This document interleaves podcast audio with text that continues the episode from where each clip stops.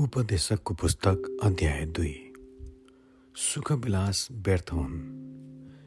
मैले आफ्नो मनमा विचार गरेँ आऊ अब असल कुरो चाहिँ के हो भनी पत्ता लगाउन म सुखविलाससित तिम्रो जाँच गर्नेछु। तर त्यो पनि व्यर्थै रहेछ भनी प्रमाणित भयो। मैले भने हाँसो मूर्खता हो। अनि सुखविलासले के फाइदा गर्छ? दागमध्ये पिएर तथा मूर्खतालाई अँगालेर मैले आफैलाई प्रफुल्ल तुल्याउन कोसिस गरेँ। मेरो मनले अझै मलाई बुद्धिद्वारा डोर्याउँदै थियो।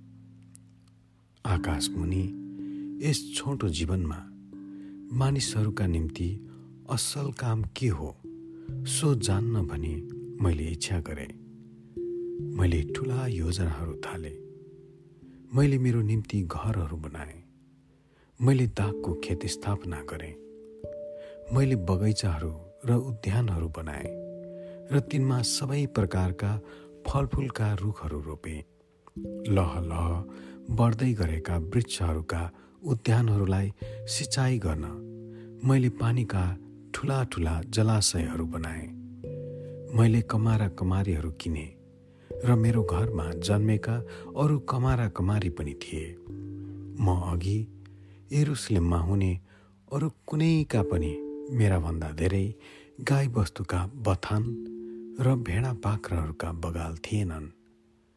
मैले मेरो निम्ति सुन र चाँदी तथा राजाहरू र देश देशबाट धन सम्पत्ति त पारे।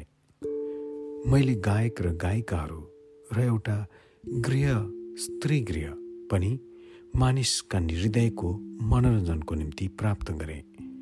एरुसलेममा मेरो अघिका सबैभन्दा म धेरै महान भएँ। यी सबैमा मेरो बुद्धि मसँगै रह्यो। मेरा आँखाले अभिलाषा गरेको केही प्राप्त गर्न मैले आफैलाई इन्कार गरिनँ। कुनै सुखविलास मेरो हृदयलाई मैले इन्कार गरिनँ। मेरा साना कामहरूमा मेरा हृदय आनन्दित भयो। र यो चाहिँ मेरा सबै परिश्रमको फल थियो। तापनि मेरो हातहरूले गरेका सबै कार्यहरू र प्राप्त गर्नलाई मैले परिश्रम गरेका सबै कुरा जब मैले निरीक्षण गरेँ तब प्रत्येक कुरा व्यर्थ थियो। बतासलाई खेदेको जस्तो मात्र रहेछ। सूर्यमुनि केही उपलब्धि भएन। बुद्धि र मूर्खता व्यर्थका हुन्। तब बुद्धि तथा पागलपन र मूर्खता पनि के रहेछ भनी सोच्नलाई मैले मेरा विचार त्यसतिर फर्काएँ। राजाले अघि नै गरिसकेका कामभन्दा तिनको पछि आउनेले अरू के बढी गर्न सक्छ र मैले के देखेँ भने जसरी अँध्यारोभन्दा उज्यालो असल हुन्छ त्यसरी नै मूर्खताभन्दा बुद्धि असल हुन्छ। बुद्धिमान मानिसका आँखा त्यसको शिरमा हुन्छन् तर मूर्ख चाहिँ अन्धकारमा हिँड्छ। तर मैले थाहा पाएँ कि यी दुवै माथि एउटै दशा आइपर्नेछ। तब मैले आफ्नो मनमा विचार गरेँ मूर्खको दशा म माथि पनि आइलाग्नेछ। म बुद्धिमान भएकोले के लाभ भयो त? मैले मेरो मनमा भने यो पनि व्यर्थै रहेछ। किनकि बुद्धिमान मानिसको पनि मूर्खको झैँ धेरै सम्झना रहँदैन। आउने दिनहरूमा दुवैजना बिर्सिने छन्। मूर्ख जस्तै बुद्धिमान मानिस पनि मर्नै पर्छ।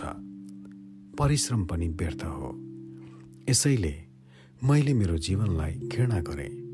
किनभने सूर्यमुनि गरेको काम मेरो निम्ति दुःखदायी रहेछ। ती सबै व्यर्थ हुन्। बतासलाई खेदेको जस्तो मात्र।